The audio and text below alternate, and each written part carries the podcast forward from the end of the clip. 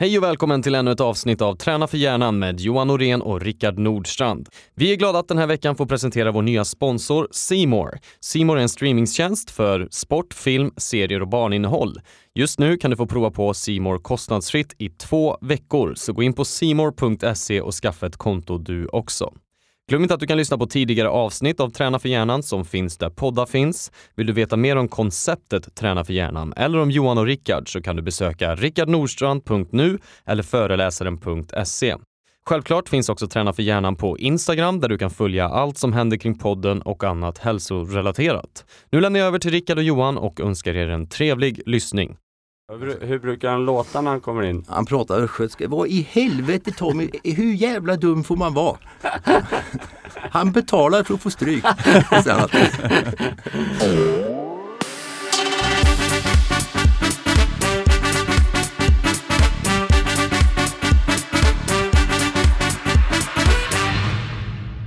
Ja, hej och välkommen till eh, Träna för hjärnan med Rickard och eh, Johan. Och dagens gäst är ingen mindre än Tommy Jakobsson. Tackar, tackar. Kan du dra några snabba meningar? Vem är du? Jag är en medelålders man, värsta sorten. Eh, Sina bästa år? Sina bästa år, ja det är det nog. Eh, jobbar med olika typer av investeringar. Jag säga att jag tar hand om andra, tyvärr andra människors pengar. Och sen så tränar jag väldigt regelbundet själv också. Nog en, late bloomer kan man säga om kampsporten.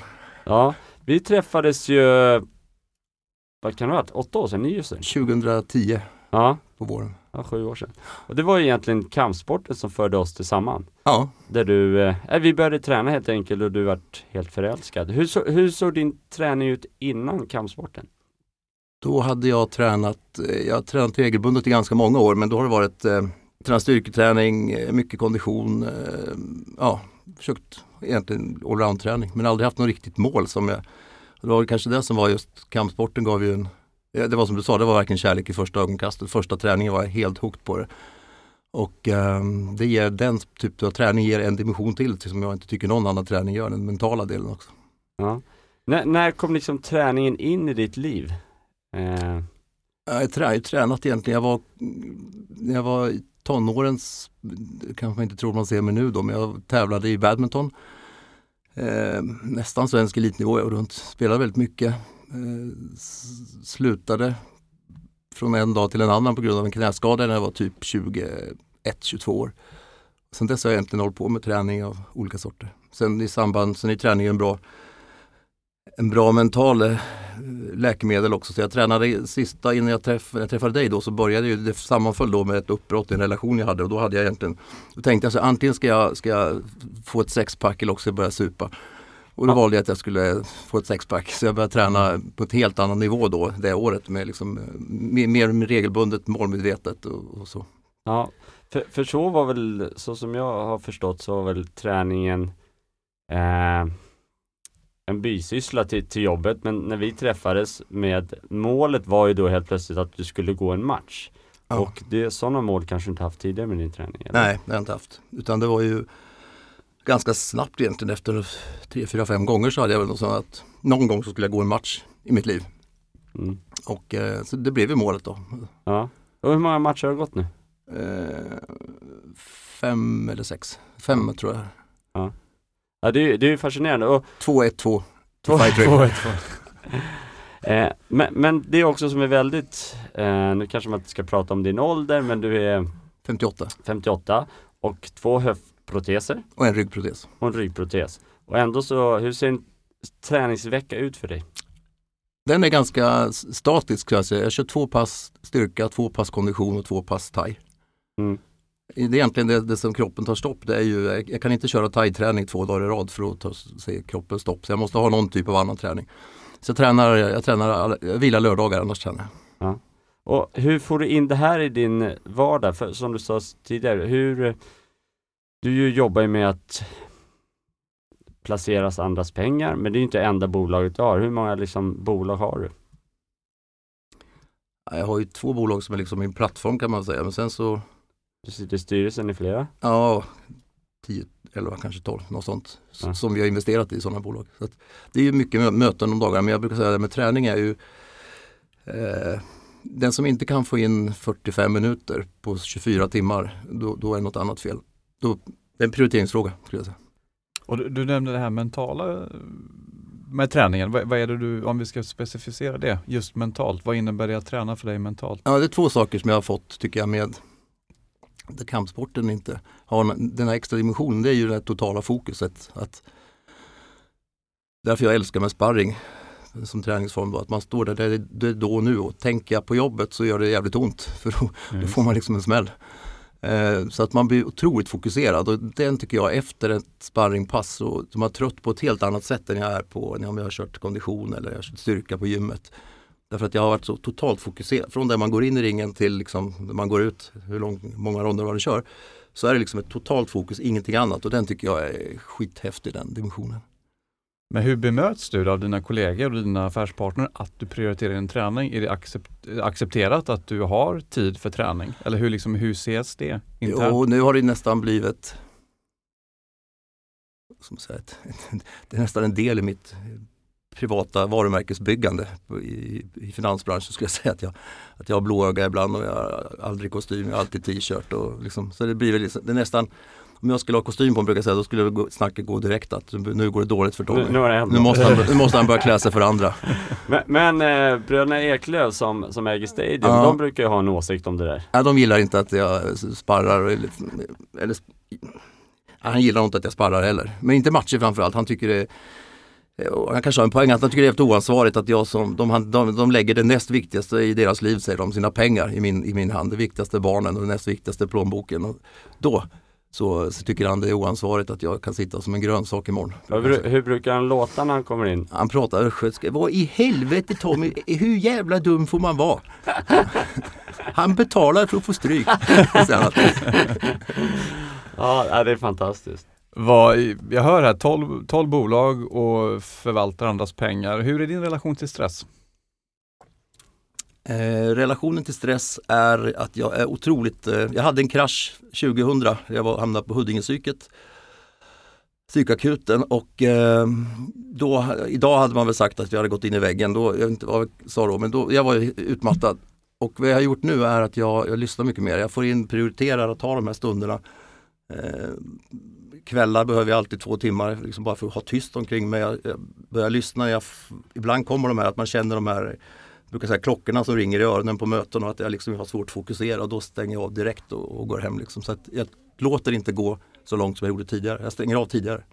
Ser tecknen. Och om vi ska dra tillbaks klockan, vad var det som hände?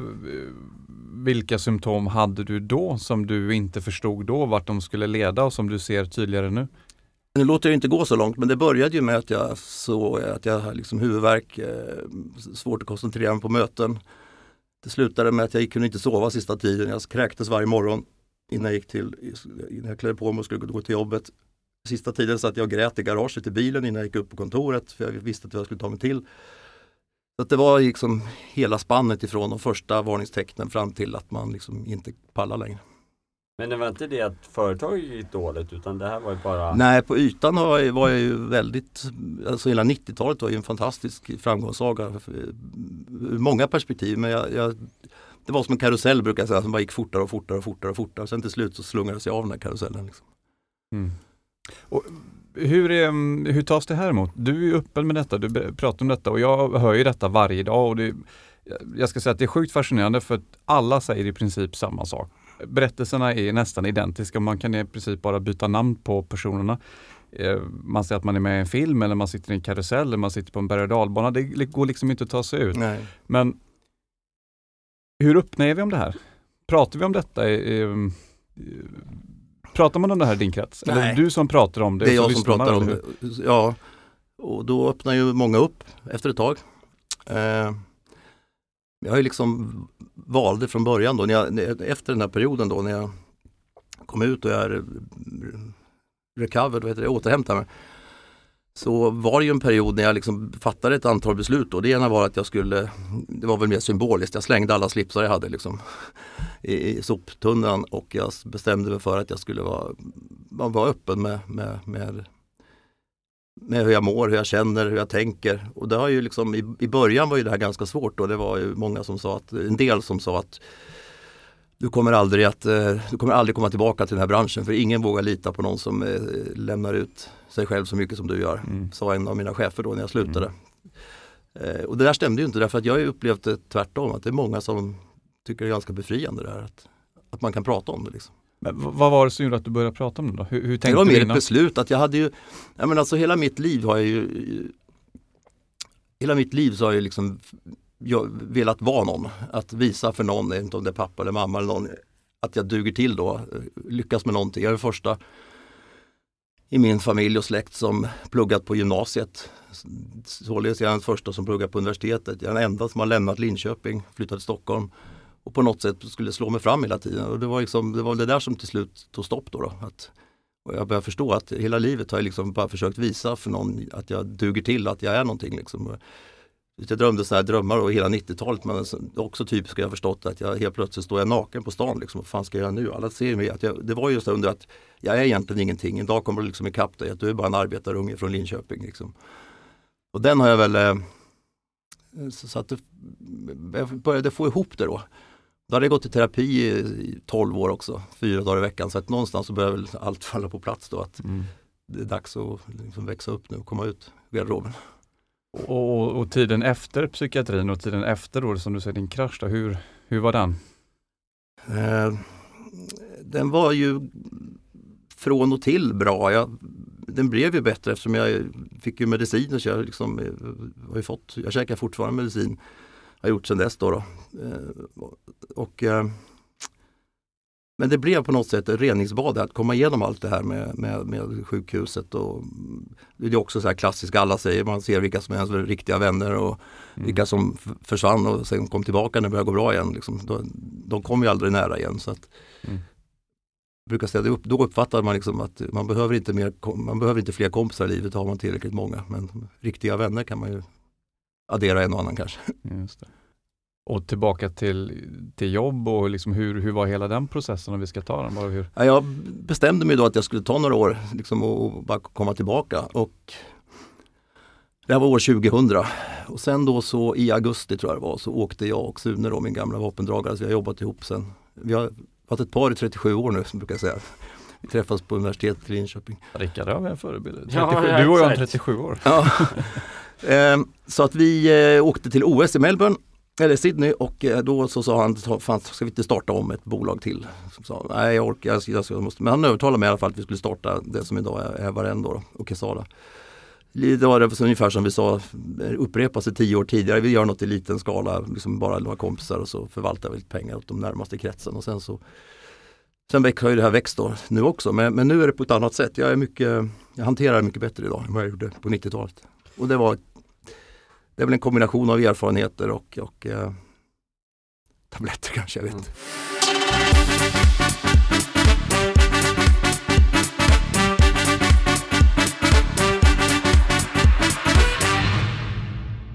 Men du har skrivit böcker också, när, mm. när började du med det? Var det ja, en... det första var ju egentligen som jag skrev då när jag, direkt efter den här kraschen och det, det var den som sa att man då, Nordea köpte vårt företag då som de sa på Nordea att du kommer aldrig komma tillbaka om du ger ut en sån här bok. Och då, där skrev jag igen, för tanken var när jag började skriva att jag skulle bara försöka förstå vad som hade hänt de senaste åren.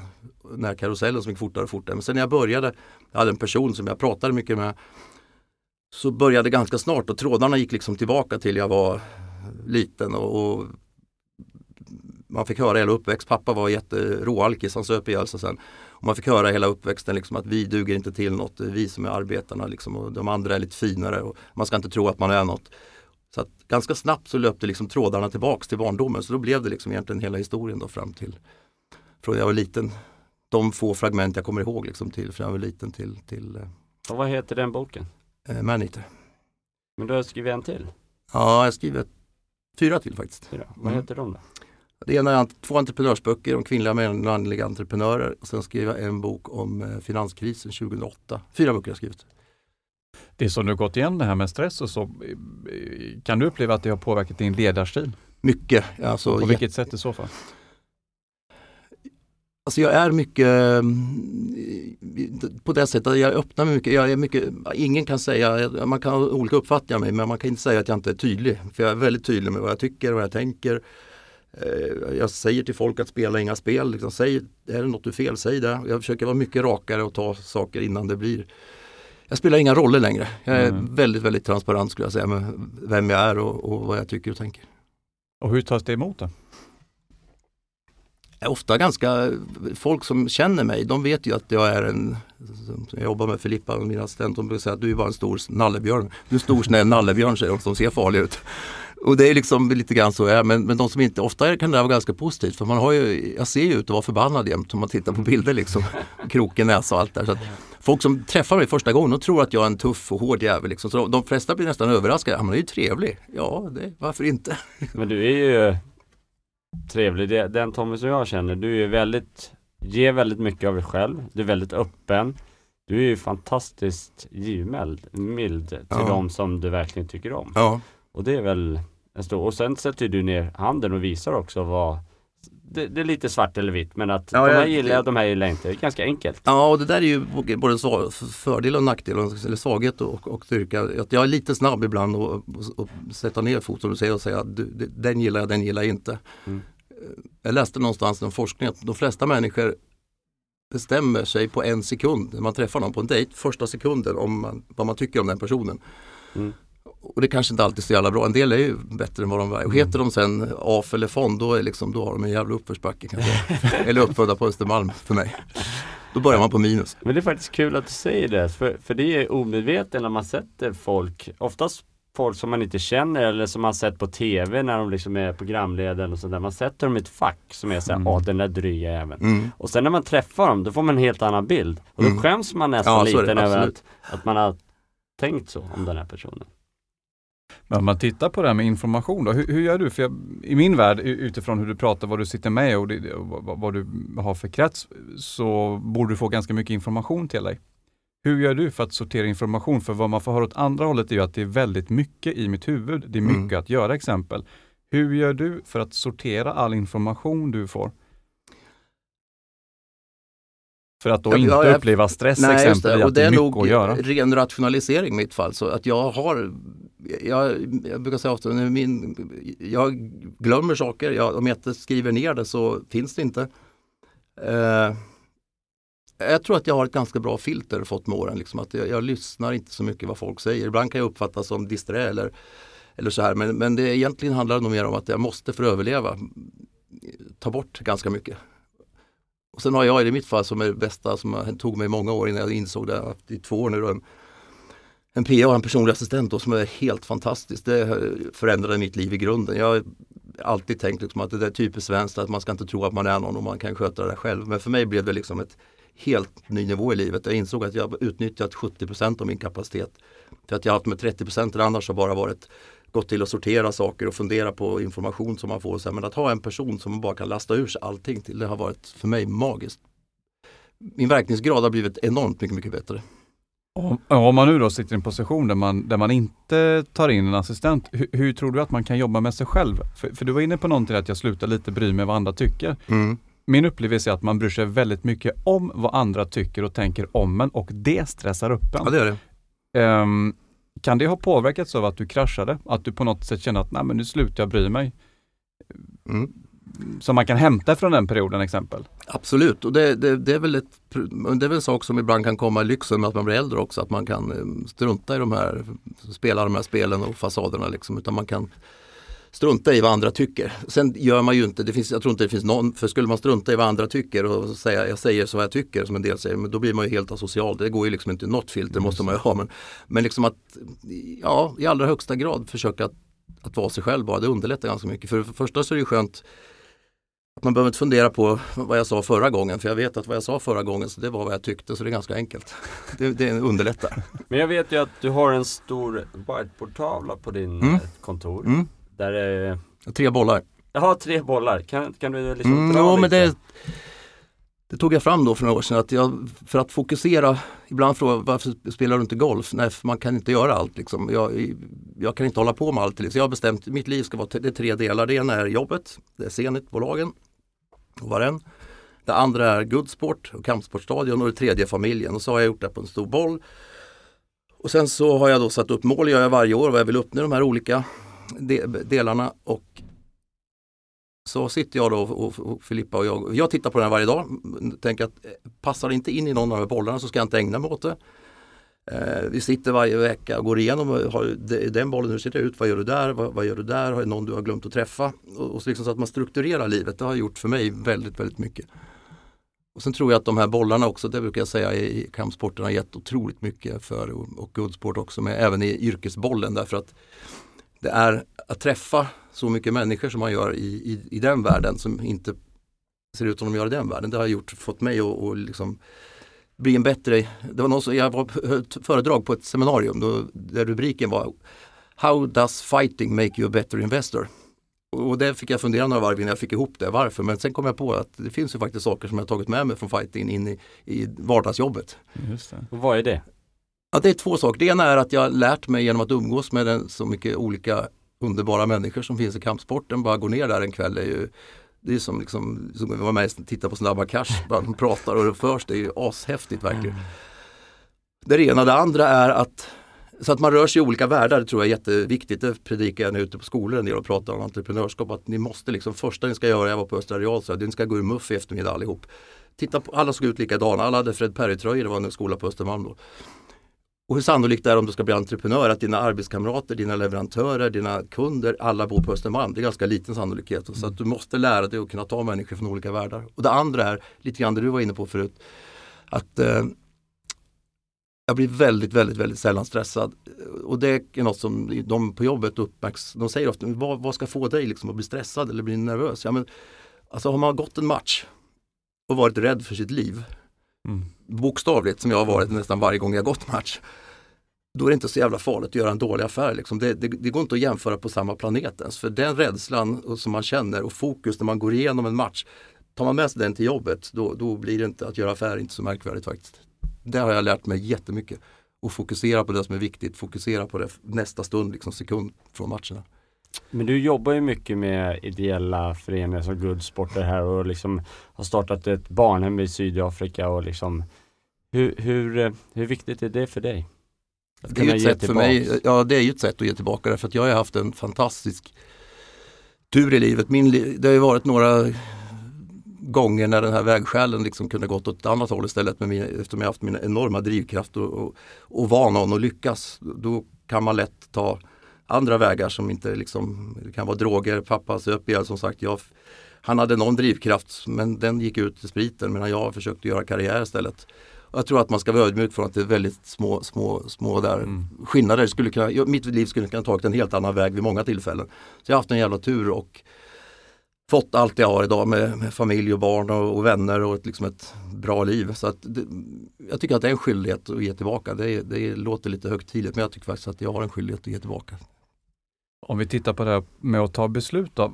Vad är det du tittar på när du går in i bolag och när går du, när går du liksom inte in? Hur Aha, bedömer det, du det? Vad tar du för beslut där? Nu låter det nästan som vi har förberett oss men därför jag brukar säga... Vi har aldrig träffats innan. Nej jag vet inte men det du säger nu därför att det du säger inte tar ett beslut.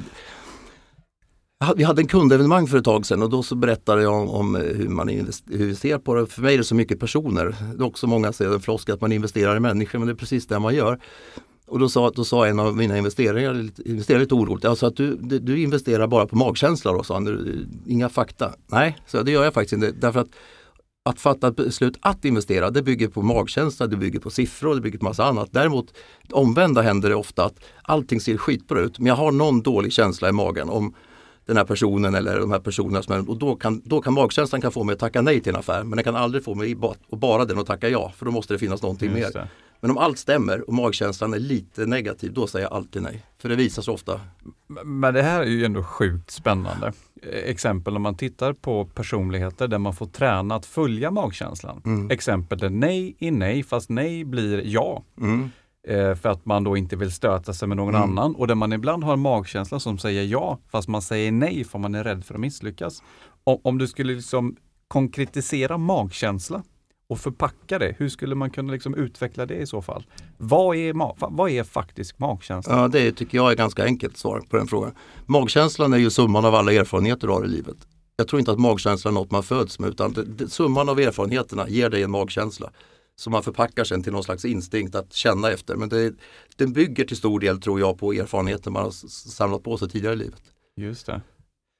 För, risken är ju annars att man hamnar, varför gjorde jag det ja. när jag kände nej? Eller varför jag, gjorde jag det inte när jag kände ja? Och så ja. sitter man och ångrar sig. Och i ånger har det en tendens att man kan hämta bitterhet avundsjuka. Han, hon, den gjorde det, mm. men där man egentligen vågar. Ja. Så, så, min fråga då är, hur har du tränat upp det här med att våga och ta beslut? Att jag har försökt att lära mig varje gång. Jag, jag har tagit massa dåliga beslut i, i investeringar och annat, men jag, jag har faktiskt konsekvent försökt mer och mer för varje år ska jag säga då, att, att eh, försöka lära mig någonting om var, varför blev det fel. Jo, det berodde på det och det och det. Eller, och så försöker man ta med sig det istället för att fundera och gå och tycka att det var någon annans fel. Jag har väldigt svårt för människor som, som, som eh, projicerar sina egna misslyckanden på andra. Att det är andras fel eller jag kunde inte veta därför du, du kan visst veta. Det, jag, jag, jag, skulle, jag tror att jag skyller väldigt, väldigt sällan på andra människor när något går snett försöker gå tillbaka till mig själv. Vad kunde jag gjort annorlunda? Eller vad ska jag göra annorlunda nästa gång? snarare.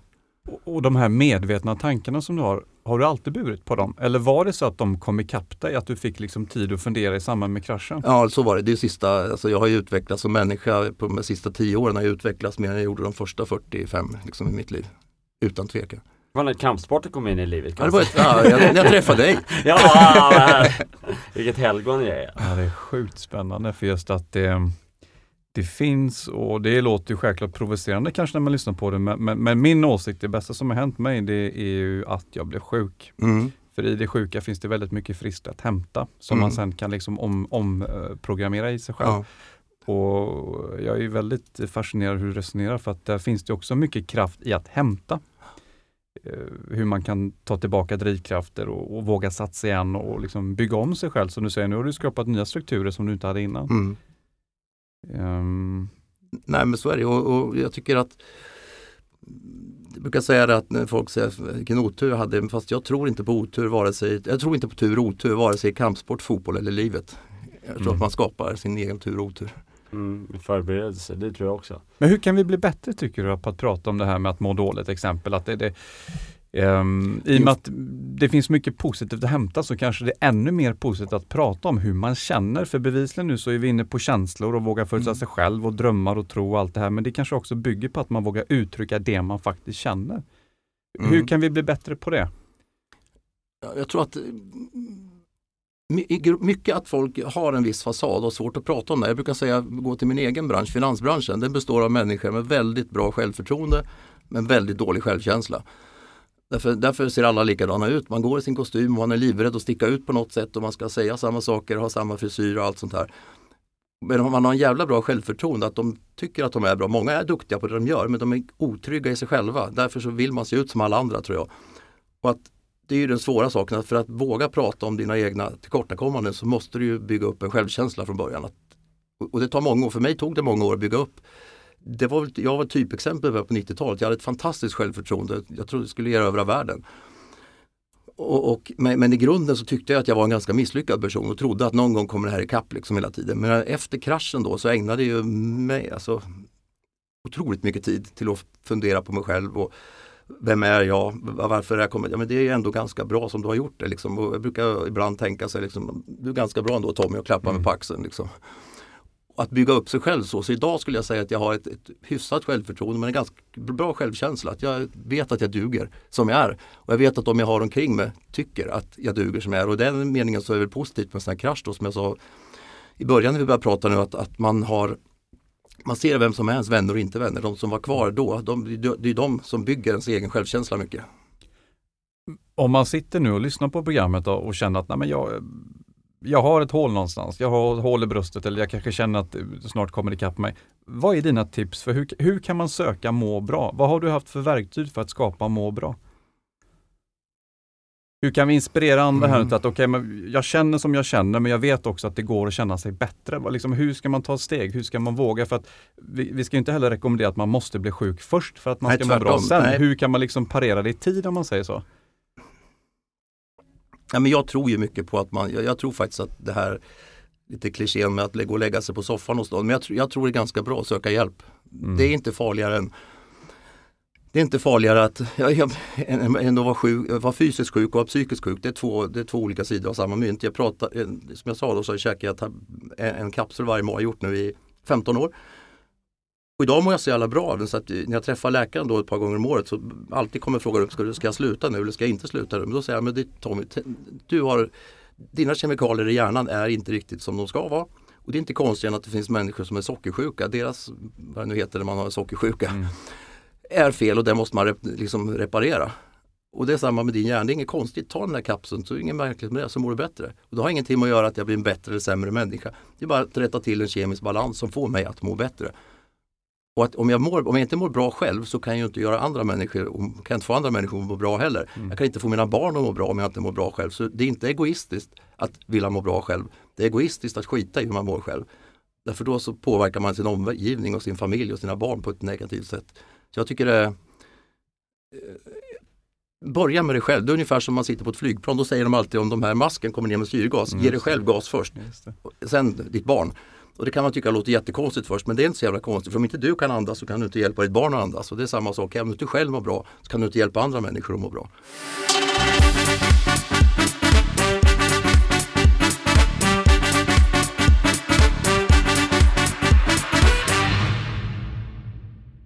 Vi kommer ju tillbaka på det här som du har nämnt tidigare med eget ansvar. Då. Och på vilket sätt har fysisk träning påverkat dig positivt i din väg tillbaka och hur, liksom, hur kom du i kontakt med Rickard? Jag känner ju inte alls till den, den storyn. Nej, Rickard, det var genom en annan faktiskt som jag jobbar tillsammans med som heter Fredrik Holmström som håller på med thaiboxning, inte på Rickards nivå men, men eh, Ja, han själv tycker det. han var med på VM. Ja, med på VM. Eh, som faktiskt bara kopplade ihop mig med Rickard. Och jag hade ju, för det första var, var Rickard trevlig, sen hade han inte tatueringar i ansiktet. Så jag hade också mina fördomar och tänkte, vad fan är det här för något? Han ser ju snäll ut. Sen har jag förstått att där, man kan inte alltid se på människor utifrån sett. Men eh, så, så, att det, var, det var en ren slump och jag hade ingen aning om att kampsport skulle vara någonting för mig. För jag har aldrig eh, liksom funderat ens på att börja med det. Utan det var den här första träningen som liksom verkligen pang sa det. Och sen åkte vi till Thailand och tränade en vecka och då sa det pang igen. Och liksom allt, hela det här det är också fascinerande när vi åker ner till Thailand, då tränar vi ändå två pass om dagen. Och det är en och en halv timme på morgonen Sen går vi till eh, käka en skön frukost och sen är det lite egen tid och så tränar man ett hårt pass på kvällen. Mm. Och så ser det ut. Och det, det, som jag har förstått med dig när vi har rest mycket så det är att egen tid för dig är också väldigt viktigt. Det är väldigt viktigt. Den gäller ju, ja den är ju viktigare. Den är ju, och det är ju också något som jag har tagit med mig från kraschen då det här som jag sa att du frågade hur, hur hanterar du stress? Jo, e-, egentiden är för mig jätte, jätteviktigt att jag får mm gå in, vara med mig själv och fundera lite på mig själv och livet och liksom stänga av alla ljud och intryck och så här. Den är jätteviktig för mig. När du kom i kontakt med Rickard och du började träna, förutom att du kände att du blev, att du hittade det, kände du att du fick en förändring i din kropp? Alltså att du mådde mycket bättre? Kände du direkt att det påverkade dig? Ja, det gjorde jag på det sättet att, att jag har aldrig varit med om en träningsform där den mentala biten kommer med så mycket som, som kampsporten. Det har alltid varit eh, jag är ganska bra på att ta ut mig själv fysiskt. Jag tränar så tränar jag och då tar jag i så jag spyr. Men det här var en helt annan dimension därför att nu blev jag också trött mentalt. För, en av fördomarna med kampsport är att de som tränar kampsport de går ut på stan sen och slår folk på käften. Medan det sista man är sugen på det är att slå folk på käften efter träningspass. Jag vill ju bara hem. för man är så jävligt utpumpad mm. mentalt också. Så att och man är, jag är aldrig så fredlig och snäll som efter ett sparringpass. Liksom. För det, man är ju helt eh, salig i kroppen. Det är så, det, och sen är det så också en annan att ingen vet vem man är. De skiter i vem man är. Och de tjattrar som babianer i omklädningsrummet och man bara garvar åt dem. Liksom. Och det är så underbart coolt det där.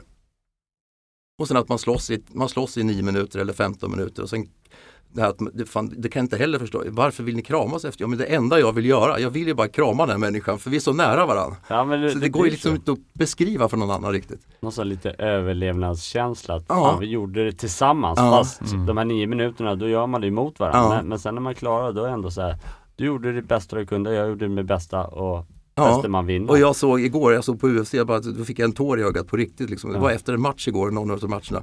De är helt utpumpade, de slår sönder samman. Slutsignalen går, den ena sjunker ner mot, mot ring och den andra liksom kommer fram och sätter sig bredvid honom och lägger armen. Båda helt sönderslagna och utpumpade. Ja, Det kan få mig att börja gråta. Det är sån jävla kärlek då. ja, det är det faktiskt. Det är coolt. Du måste säga grattis till Alexander. Ja, Det var-. Det trodde jag inte. Jag tycker han var fantastiskt bra mental styrka igår också. Det trodde Ja. jag aldrig. Jäkligt kul. Nej, apropå det, det är ju, vet jag ju själv efter jag hållit på med kampsport så att då ha lite förluster, komma upp på hemmaplan igen och då efter senaste att liksom den pressen och ändå göra så bra Mm. som man gjorde, det måste man ju, Fantastiskt det, ja, grymt, grymt. När är Tommy Jakobsson lycklig? Ja, jag är ju lycklig.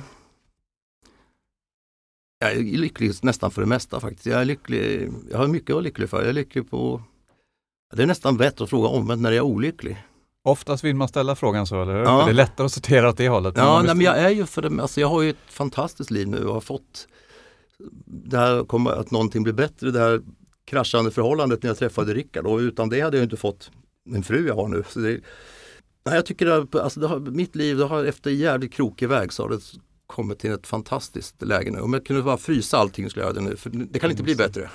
Pausa tiden. Liksom. Ja, det kan liksom inte bli bättre än jag har det nu. Och hur ser du på det här med drömmar då?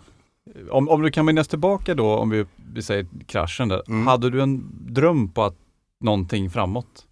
Efter, Kommer du för, ihåg före kraschen? Nej, alltså in, under kraschen kan man säga. nej, under tiden nej då var det bara ett överlevnads... Då var det total mardröm. Men, men kom, har, byggde du upp nya drömmar successivt? Ja, men det tog några år. Ja. Det tog några år. Första åren var det bara dag för dag att överleva liksom. Så Mm. var det. Och vad är dina tips om man är där nu, dag för dag och bara överlevnad? Ja, jag tror att det är en bra strategi att göra det under en period. Att man inte ska fundera så mycket över vilka konsekvenser saker kommer få av det jag gör nu eller hur jag mår nu. Utan eh, nu tar vi det då, nu- ska det bli kväll, sen får jag sova, sen en ny dag, då ska jag ta den dagen när den kommer. Jag tror att det är den bästa strategi man kan ha faktiskt. Men du går fortfarande och pratar med någon? Nej, jag har pratat färdigt, sa jag för några år sedan. Jag, liksom, jag har inte mer att säga nu. Jag, Men jag du är pratade här. i 15 Ja, år. du är här och pratar. Dela med Ja, dig just det, precis. Men betala någon för att lyssna på mig, det har jag slutat med. Men hur ser det ut framåt då? Har du drömmar om framtiden? Ja, jag har många drömmar om framtiden. Jag har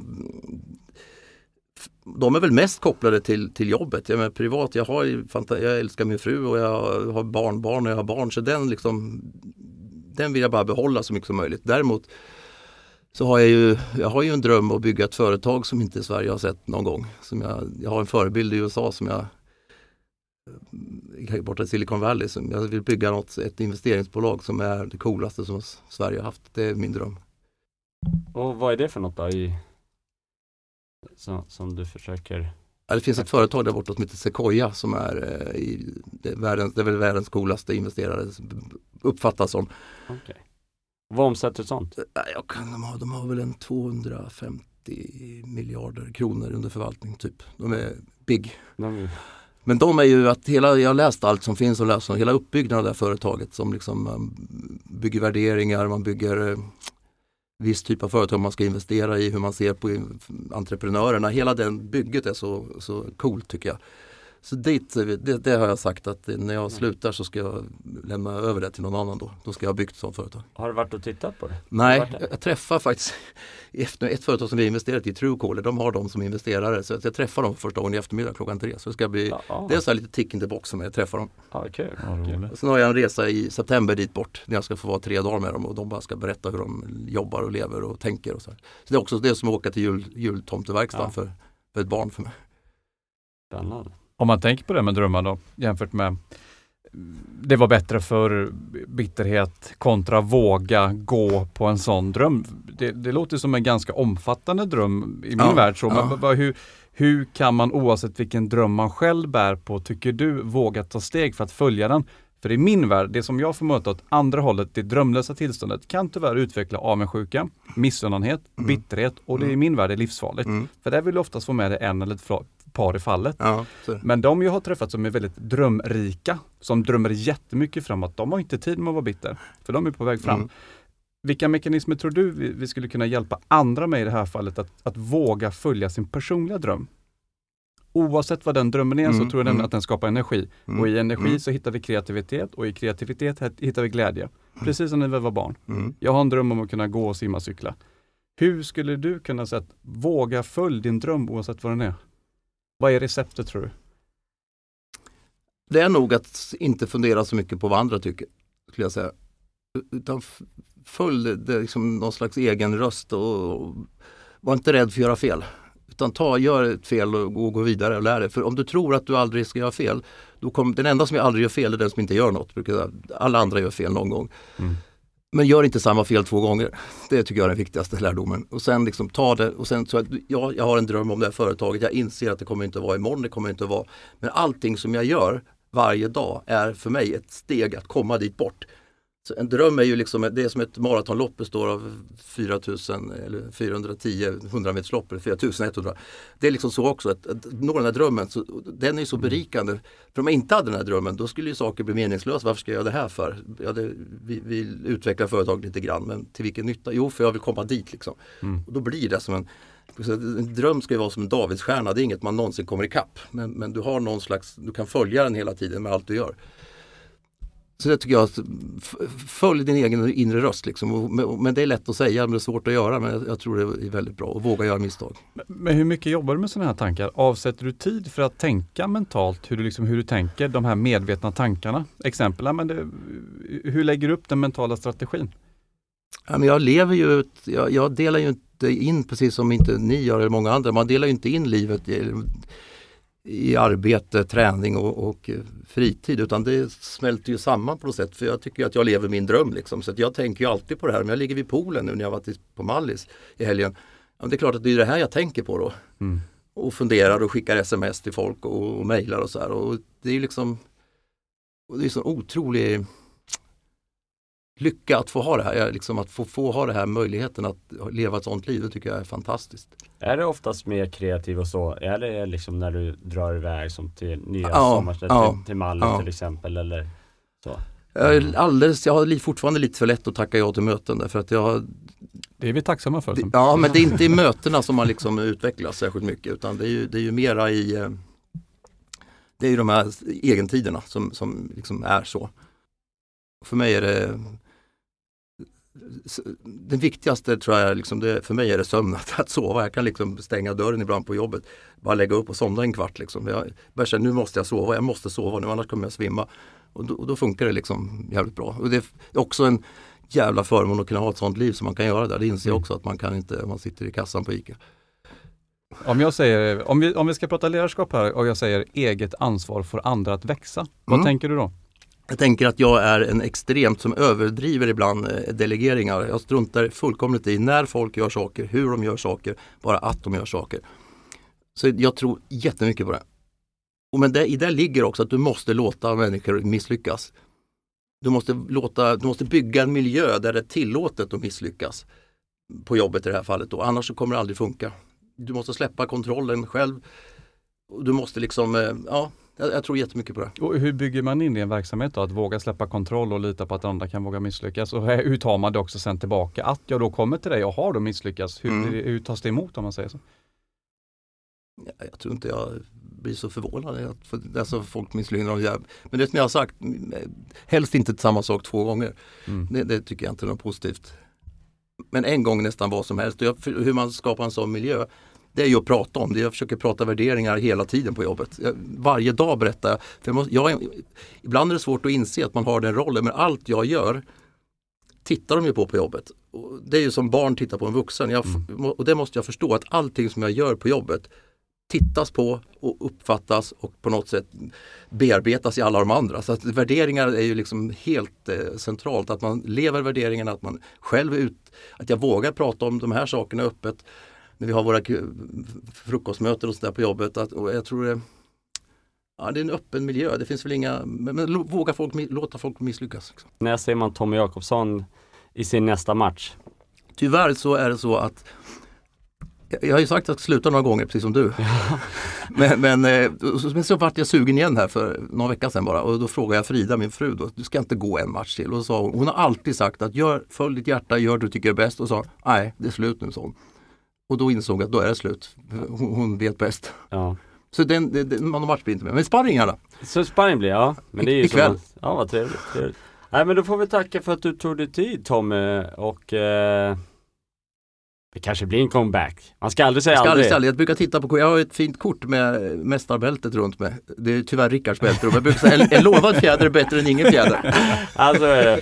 Tack snälla. Stort tack Tommy för att du Tack tog dig tid att komma Tack, till oss. tack. Tack ska du ha.